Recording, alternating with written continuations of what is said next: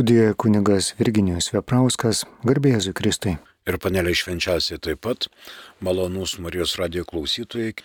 Praeitoje laidoje buvo iki galo neatsakyta mintis su tokiu klausimu. Ar mes dar gavom žinutę dabar? Prašau pagarsinkit. Taip, klausimas ką tik tai atėjęs, ar rytoj per grabnyčias galima dar kartą šventinti Šiluvos atlaidų metu jau pašventintas žvakes? Būtinybės jokios nėra. Jeigu Šiluvos atlaidų metu jau yra pašventintos, tai kodėl jas reikia dar kartą šventinti? Jokios būtinybės nėra. Bet jeigu patinka, galite. Čia yra šventinimas atkazum. Prašom, dar kitas klausimas. Ar pridara reikalauti, kad tiek parapija, tiek viskupija pateiktų ataskaitas tikintiesiems dėl saukotų lėšų turbūt panaudojimo? Galima pareikalauti, aišku, kad galima. Tik tai kokią formą. Ir dar vienas klausimas, taip. Čia buvo dar to klausimo papildymas, ar bažnytinė teisė numato tokią kontrolę? Turbūt. E, kokią kontrolę? Dėl ataskaitos tikintiesiems saukotų lėšų panaudojimo? Ne, kontrolės nenumato. Čia yra viskupijos reikalas. Viskupas kaip mato, paprastai viskupai teikia metinės ataskaitas. Ir galime pasižiūrėti, kad, reiškia, toks bendras fonas yra, kiek turto valdo kuri viskupija. Aišku, pas mus Lietuvoje tai turbūt Vilniaus vyskupija yra turtingiausia ir kilnojamo ir nekilnojamo turtų ir visos kitos likusios ženkliai turi mažiau turto. Bet turtas yra skelbiamas. E, dar vieną turim žinutę, taip, prašom. Martinas iš Prienų rašo, po vakarienės kunigas padarė sunkę nuodėmę, pavyzdžiui, kūnišką, o anksti ryte turi aukoti šventasis mišes kokiu būdu jis gauna pašvenčiamosios malonės stovį ir kas tokiu atveju jam duoda išrišimą, jei parapija jis vienas pats, negi išpažinti atlieka pats savo? Čia yra daug teorijų pas jūs klausime. Išpažinti atlikti pats savo neįmanoma, kadangi išpažinti atlieka žmogus Dievui. Kunigas yra tik tai tarpininkas. Šiuo atveju, tarkim, padarė kunigas sunkę nuodėmę. E, dabar ar kas tokiu atveju jam duoda išrišimą? Jeigu jis nueina iš pažinties, jam gali kunigas kitas duoti išrišimą. O jeigu parapijoje jis vienas ir jam e, nėra kaip atlikti išpažinti, jis sužadina tobulą gailestį, kad pirmai progai pasitaikius nueitų iš pažinties. Ir eina laikyti mišes. Tokiu būdu jis gauna pašvenčiamos malonės stovį. Gali būti gailestis nepakankamas. Tai būna, kad kunigas laiko mišes ne pašvenčiamosios malonės stovyje. Bet nuo jo malonės stovis, stovio mišių nuopelnai nekinta. Tai ne jo paties mišios. Tai yra dieviška liturgija, kurią jis atlieka Dievo vardu. Gali būti kunigas ir sunkios nuodėmės būklėje, nuo to nesikeičia šventųjų mišių ant gamtiniai vaisiai. E, žinom tokius terminus - ex opere operato ir ex opere operantis. Tai čia vėl yra šventoji teologija ir reikia gilintis bei nagrinėtis va šitos dalykus, jeigu jūs norite smulkiau žinoti. Tai yra žinoma bažnyčioje reglamentuojama. Ačiū. Praeitoje laidoje irgi yra pasirodęs vienas klausimas, kurio nepabaigėme atsakinėti. Priminsiu. Kaip baudžiamas kunigas palikęs kunigystę? Gal užsitraukia ekskomuniką? Kaip? Ir papildymas. Dėl moters. Dabar kunigas, palikęs kunigystę, nėra baudžiamas. Kodėl jis turėtų būti baudžiamas, jeigu jis palieka kunigo tarnystę? Kunigas visuomet yra pavaldus vyskupui, kaip minėjome, Ir jeigu suderina reikalus su vyskupu, vyskupas jį gali išleisti pusmečiui ar metui, taip vadinamam sabatikumui. Kai kas pagal senąją teisę, kas penki, kas šeši metai, kas dešimt metų kunigas galėjo pasimti metinių atostogų, sustiprinti savo dvasiai, pasigilinti į teologinės žinias, kažkur atlikti galbūt vienuolinę ilgesnį laiką susikaupimo laikotarpį, na tai buvo vadinamas sabatikumas. Tada jisai palieka absoliučiai visas savo turėtas pareigas ir e, tik viskupas žino, kur jis yra. Gali jis gyventi mieste, butelėje, nuomojamam būte, savo namuose, jis pareigų neina. Jis nori pailsėti. O dabar kodėl jis turėtų užsitraukti ekskomuniką, jei viskupas jam leidžia? Pasvarstyti tolimesnį kelią. Leidžia, eik, broli, svarstyk. O dabar kaip? Tai tikrai klausimas, kaip ekskomunika taikoma tam, kuris palieka kunigystę. Ekskomunika netaikoma. Nebent jisai viešai paskelbtų, kad jis Dievo e, netiki, kad jis kvestionuoja vieną kitą bažnytinę dogmą, ir panašiai. Tada jau galima taikyti ir cenzūras, bet ekskomunika netaikoma. Dabar papildymas dėl moters. Klausiantis žmogus parašė žodį moters iš didžios raidės. Moters. Ne šiaip moters, bet moters. Svarbiausia mūsų gyvenime moteris tikriausiai yra mama. Jeigu motina, motinytė, motinėlė sunkiai susirgo ar pateko į kokią didesnę bėdą, mylintis sūnus sako, aš negaliu eiti pareigų, man reikia motinytę slaugyti, globoti, valgiant gaminti, keisti rūbelius, prižiūrėti, prausti, renkti, mm, vaistus ten parūpinti, gal net ir paprastesniu atveju suleisti vaistus, jis atsisako kunigystės. Sako, negaliu. Pusę metų aš slaugysiu mamą, ekscelencija, atleisk mane nuo visų pareigų, aš negaliu man neišneša nervai. Aš negaliu laikyti, pavyzdžiui, mišių, prisimindamas, kad mano mama yra sunkioj padėti, nėra kas ją slaugo. Tai va, dėl moters. Iš didžios raidės. Kokie dar variantai? Kokie dar variantai? Dėl moters. Aišku, galima sakyti plačia prasme, kad, pavyzdžiui, dangaus karalienė, švenčiausiai panelė Marija, yra taip pat moteris, nes pagimdė Jėzų. Gali būti, kad kunigas taip įsikliopija Mariją, kad sako, aš palieku kunigystę, stoju į vienuolyną ir tarnauju panelė švenčiausiai per dienas ir per naktis. Malda pasninko atgailą už žmonijos nuodėmę, už karą, už apsėstuosius ir taip toliau. Gali būti, kad ir dėl tos moters kunigas palieka kunigystę. Gali būti. Bet čia jau reikia klausti konkrečiai būtent to kunigo, kurį jūs turite omenyje. Ačiū už klausimus, daugiau mes turbūt neturime. Jeigu norite papildomai ką prašom mielai. O mes tiesiogiai einame prie sankcijų bažnyčioje.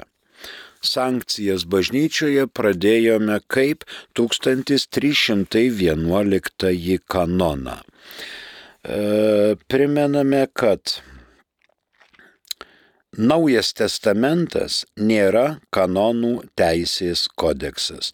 Mes paprašysime dirbančių iš pulto, kad mums cituotų Evangelijos pagal Matą 18 skyriaus 18 eilutę.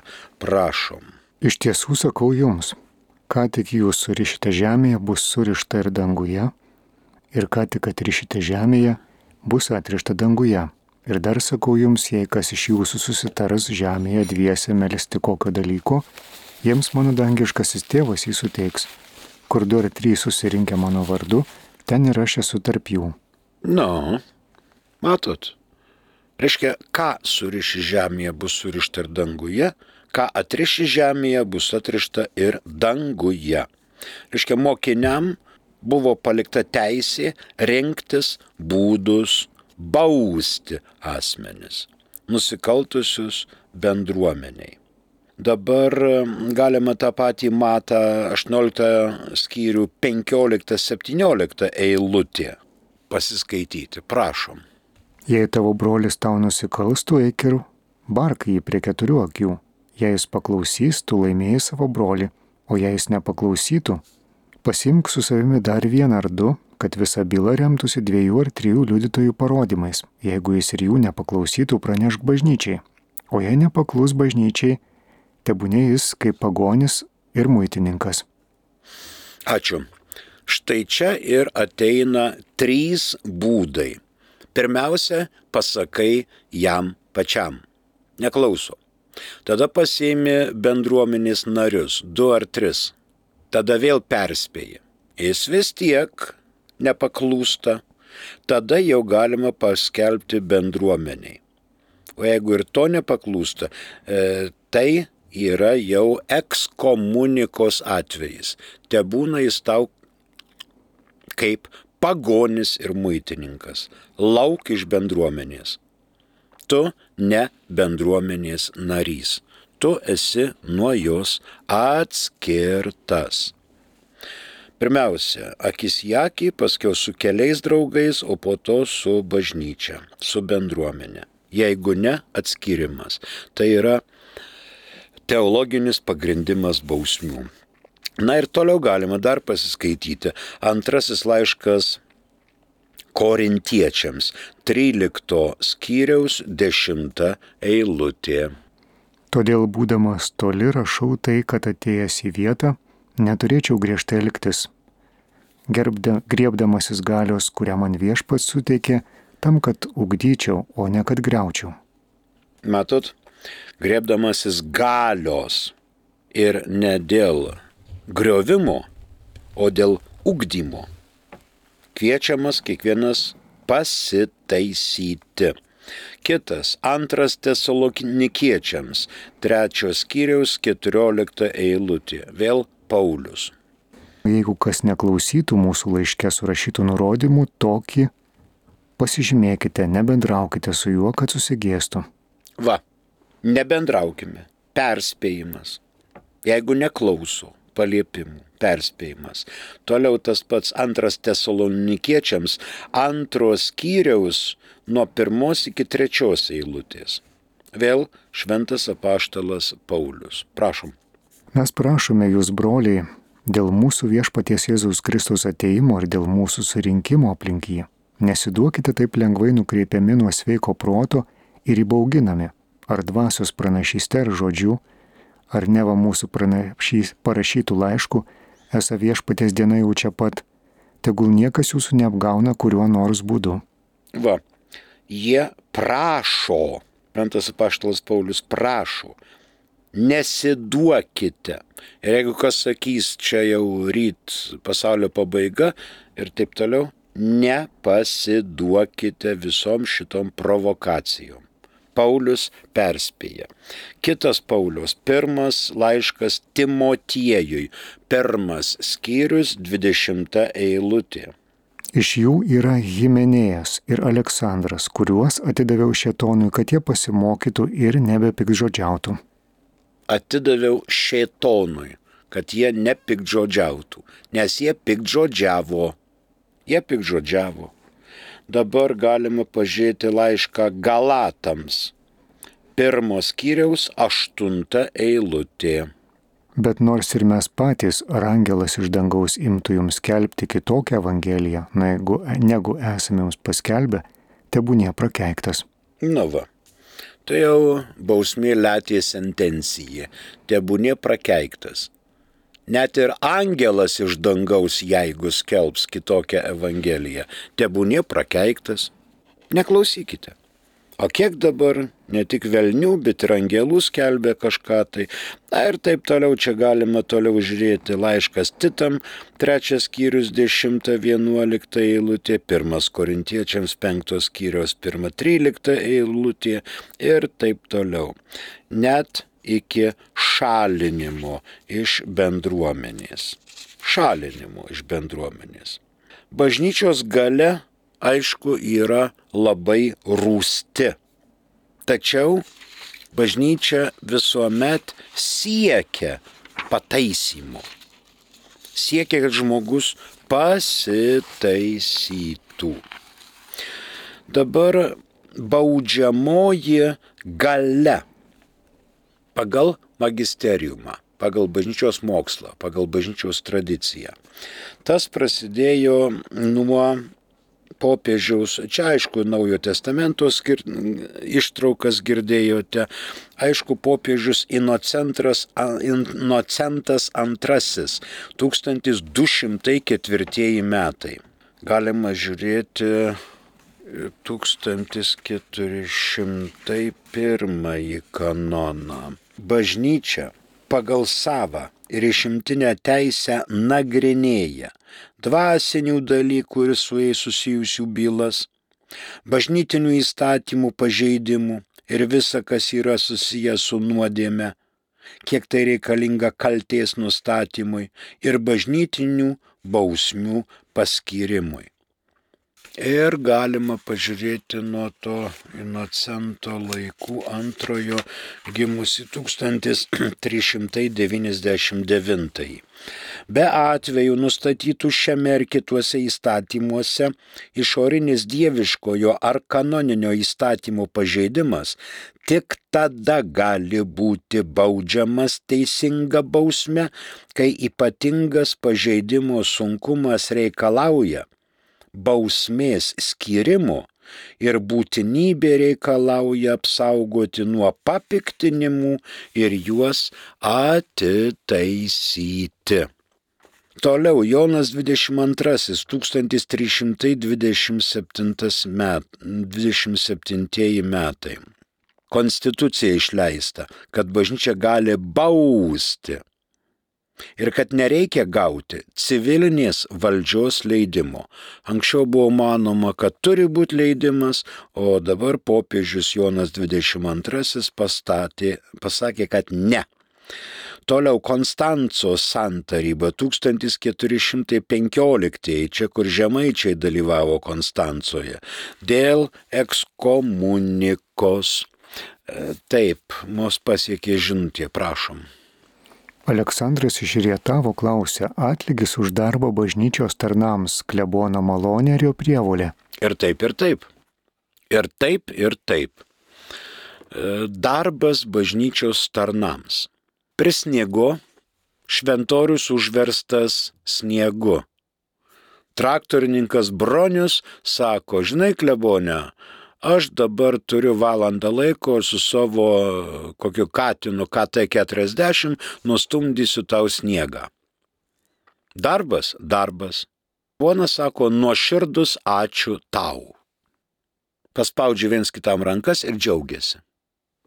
Klevonas džiaugiasi, kad ant šventoriaus sniego nėra, traktoristas Bronislovas džiaugiasi, kad jis padarė gerą darbą. Tai dabar darbas yra darbas, bet jisai traktoristas atsisakė užmokesčio. Va, malonė ar prievolė. Čia reikia atskirų atvejų žiūrėti. Ačiū. Toliau ketvirta mintis. Tridento visuotinis susirinkimas pasmerkė prievartą dėl krikščionių gyvenimo. Bažnyčia negali versti žmogaus daryti taip arba anaip. Toliau penkta mintis. Pijus penktasis popiežius 1794. Čia artėjom prie Žečpospolitos trečiojo padalinimo. Paneigė klaidingą pistojos santarybos mokymą iš 1786 metų. Toliau Pijus devintasis 1864 atmetė nuomonę, kad bažnyčia negali bausti. Popiežius pasakė, gali bausti. Bažnyčia gali bausti. Toliau Pijus IX vėl pasisakė, galų gale Leonas XIII, žinom jo didžiulę tą socialinę encikliką Rerum Novarum, po to ėjo quadragesimus anus, centesimus anus ir taip toliau. Taigi 1885, kad bažnyčia gavo įgaliojimus išleisti baudžiamąjį įstatymą ir teisminius įstatymus. Popiežius Leonas XIII ir galima vardinti iki pat šių dienų. Tai apie baudžiamąją galę pagal magisteriumą. Dabar einame prie mintelės, kad valdžia ši bažnyčiai yra sava. Ši valdžia yra sava. Mums ateina į pagalbą 200 ketvirtasis kanonas. Du paragrafai. Pirmas.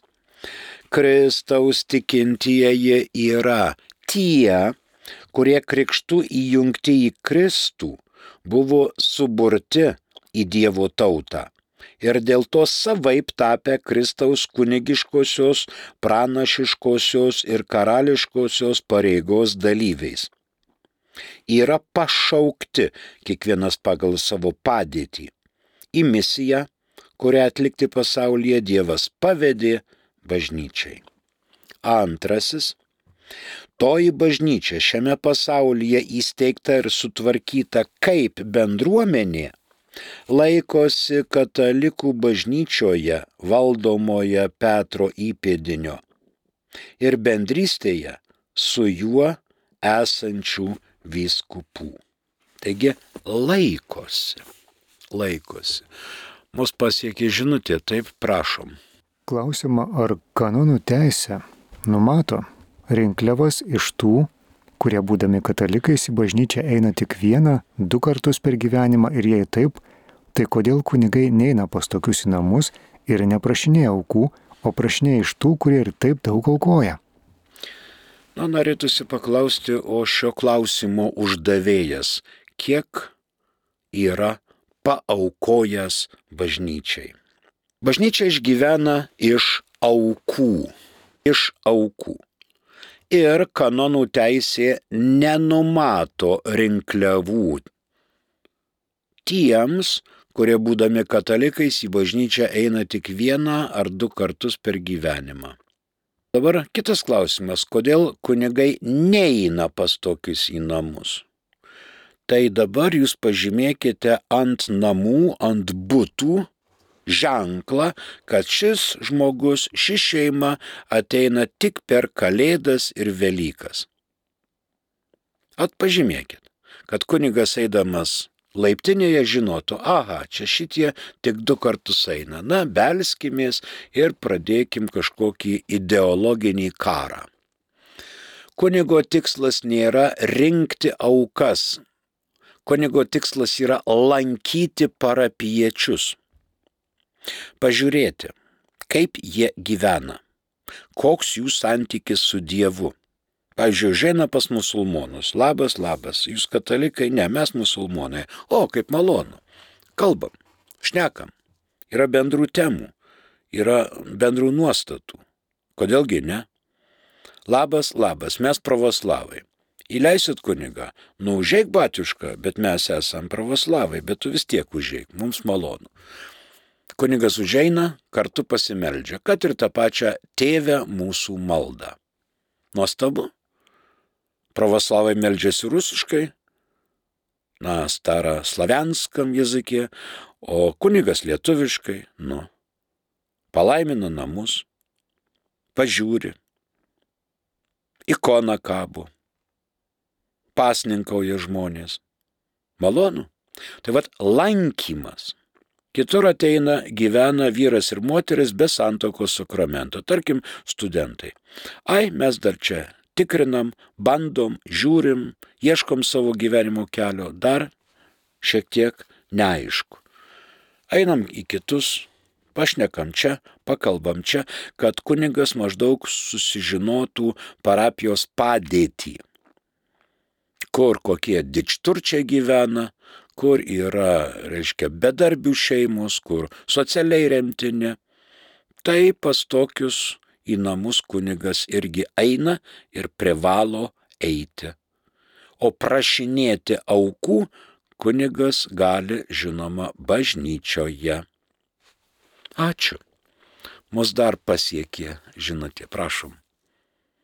Papildymas turbūt buvusiai žinutė, Taip. kad šio klausimo uždavėjas yra aukojęs labai daug ir to uždavėjo tėvai yra ir net visą savo atlyginimą atidavę.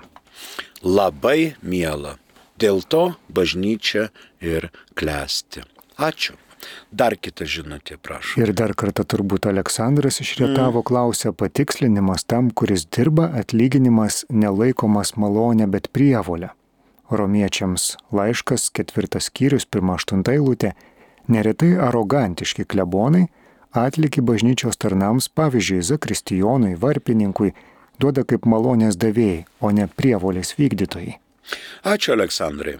Ačiū, kad pacituojate netgi ir Švento Paštolo Pauliaus laišką romiečiams.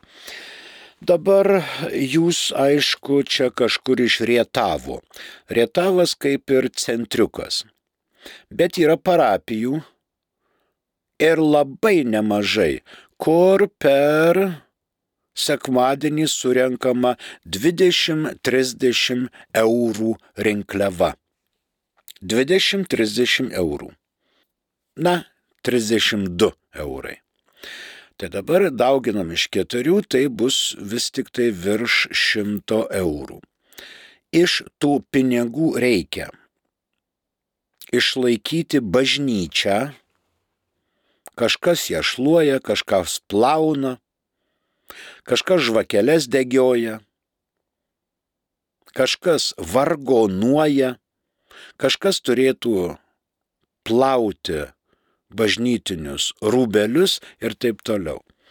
Iš šimto eurų tarnų neišlaikysi. Neišlaikysi. Tada arogantiškas klebonas nugnyba nuo savo atlyginimų ir duoda tarnams. Kaip rašė zakristijonui ir varpininkui, yra visa eilė parapijų, kur pats klebonas skambina varpu. Neišlaiko varpininko etato, neišlaiko vargonininko etato. Nekalbu apie miestą bet mieste yra mažiau parapijų negu kaimuose. Taip kad realybė tokia ir prašom su ta realybė skaitytis apie malonę ir apie prievolę. Ačiū. Dabar dar vienas yra klausimas. Prašom. Dar vienas klausimas. Taip, taip, dar vienas. Popiežius sako, kuo daugiau siūsite ginklų į karą, tuo didesnės kraujo upės bus. Ką Jūs manot? Nepradėkite apie karą. Karas yra absoliutus blogis. Ir jeigu popiežius tai pasakė, kad kuo daugiau siūsite ginklų į karą, tuo didesnės kraujo upės bus, jis yra teisus. Mums liko penkios septynios minutės. E, aš jums dabar vėl apie tą karą. Koks karas? Gynybinis ar puolamasis karas? Kiekvienas nešiojas popieriaus kaklaraištį, pionieriaus kaklaraištį ar VLKSJS ženklelį atlape puikiai žinojo, kad didžiausias karinis nusikaltėlis pasaulyje yra Trumenas. Jis gyvatė užmetė ant taikių Japonijos gyventojų Hirošimos atominę bombą. Pusantros kilotonos. Baisu? Aišku, kad baisu. Kodėl? Tas prasidėjo čia antras pasaulinis karas. Saipano sala, kitos ten salos, Amerikosai pradėjo žlugdyti fašistinę Japoniją ir daug rimtų vyrų paguldė galvas. Daug, nes jie paškės buvo įsikasę į, į urvus visokius ir ten labai labai labai labai daug kovų. Tada atsisėdo keli kapralai prie medinių skaičiuotuvų ir paskaičiavo, kad kol užimtas bus Tokijas, mažiausiai pusė milijono amerikosų turi žūti. Vėl karstai, vėl vežiok tėvams, ašaros liejasi, kodėl žūva. Tada seržantai paskaičiavo, kam čia tuos pusę milijono žudyti amerikiečių kareivius, geriau vieną bombikę. Tekit, šekit į Hirosimą. Neužteko vienos, dar vienos, į Nagasakį. Tekit. Tada imperatorius Hirokito apsidairė ir sako, atsiprašom, darom atgailą, atleiskit, pradedam gyventi draugiškai. Pradėkime gyventi draugiškai ir tegul kyla nauja Japonijos aušra. Kaip tarė, taip padarė, pasirašė kapitaliavimo sutartį ir pusė milijono kareivių nežuvo, nežiūrint jau japaškių, bet ir pargrįžo namo laimėtojai. Dabar keliamės į mylimą Europą. Europoje irgi antras pasaulinis karas. Gražu, gražu. Ir kaip jis buvo kovojamas. Tas, kas vyksta dabar, čia yra aišku antro pasaulinio karo tasa, tik iš kitos pusės. Jeigu šalis kariauna dviem frontais, jau reiškia kirdik. Viskas. Šalis nenugalės niekada. Adolfas Aloizovičius kariavo keturiais frontais. Rytų Norvegijoje laikė 250 tūkstančių, Graikijoje padėjo draugui Musoliniui nugalėti, nes tas ten fiasko patyrė, paskui feldmaršalas Romelis Šiaurinėje Afrikoje, keturi frontai. Reiškia, šešis tankerius siuntė benzino į tankus, bet šeši tankeriai nuėjo į viduržemio jūros dugną. Ir Romelis pasakė, reiškia, mes ką turim šlapintis į bakus. Nėra, tankai neturi kūro. Viskas, pasibaigė. Žinoma, Adolfas Aloizovičius neturėjo prieigos didelės prie naftos, jo mokslininkai sugalvojo, kad reikia sintetinti kūrą iš akmens. Tokių gamyklų buvo 12 Vokietijoje. Iš akmens anglės. Sintetino, sintetino, sintetino. Na, pas mus Jonavoje yra Achema, taip? Kiek reikia bombonešių norint, kad sunaikintų Achemos gamyklą? Tokius su keturiais varikliais, uh, didelių, sunkių, galingų, po kelišimtus kilogramų bombos. Aš jums atsakysiu. Lygiai vieno bombonešio, kuris atėjo, sudaužė Achemą ir Achema nebedirba. Achema žinoma ne kurą sintetinį gamina iš anglės ten, amofoskus ir visokie kitokie dalykai. Bet lygiai vieno bombonešio. Praskrido, sumetė bombas, nuskrido toliau fosforas baltas dega, visi ten laksto, gaisrininkai e, iš Klaipėdos, iš Vilniaus atlėkė, ne tik iš Kauno, iš Panevežių, visur gesina šitą achemą. Tai dabar, kadangi laikas mūsų išseko, mes kitoje laidoje pratesim šitą Adolfo Aloizovičiaus sintetinio kūro gamyklų klausimą ir prieisim prie popiežiaus minties, kuo daugiau siūsite ginklų į karą, tuo didesnės kraujo upės bus. Prie mikrofono dirbo kunigas Virginijus Veprauskas, ačiū ir sudė. Iki kitos laidos.